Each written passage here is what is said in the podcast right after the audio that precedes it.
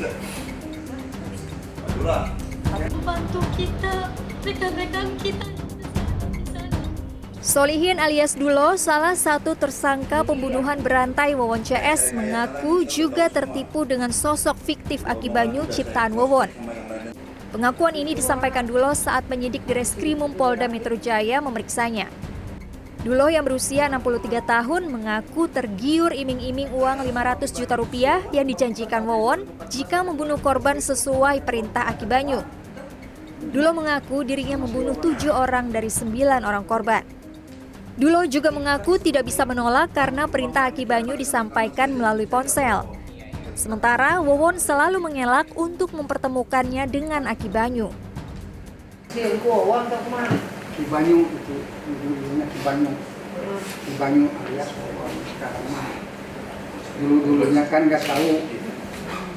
Ki Banyu bilangnya Ki Banyu Ki Banyu ternyata Ki Banyu itu udah ketangkap mah si orang yang melakukan. Lamun mana hayang sukses, sok turutkeun aing gitu aing sebagai kibanyu Sebelumnya, polisi mengungkap sosok Aki Banyu adalah sosok fiktif yang diciptakan Wawon Erawan agar percaya pada penggandaan uang. Saat pemeriksaan, Wawon mempraktikkan bagaimana suaranya berubah menjadi suara Aki Banyu yang selama ini didengar korban melalui ponsel. Ya seperti kieu, Pak. Nyarios nabi. Hai, barudak percaya teu ka aing. Mana hari hayang sukses teh. Ya hayang sukses, sok turutkeun aing aing sebagai kibanyu mun di dasar laut. Tak gitu, Pak. Jadi barudak teh percarayaan ke him kuring gitu. Tah eta. Polisi juga sebelumnya mengungkap 11 tenaga kerja wanita yang menjadi korban penipuan bermodus penggandaan uang oleh Wawon Erawan. Dua di antaranya, Farida dan Siti sudah tewas di tangan Wawon CS.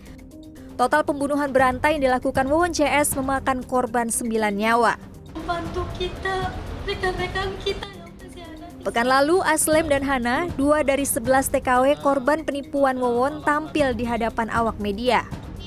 Dengan berlinang air mata, Aslem dan Hana mengaku bersyukur lolos dari maut lantaran berhalangan untuk bertemu Dede, salah satu tersangka pembunuhan berantai Wawon CS pada Desember lalu.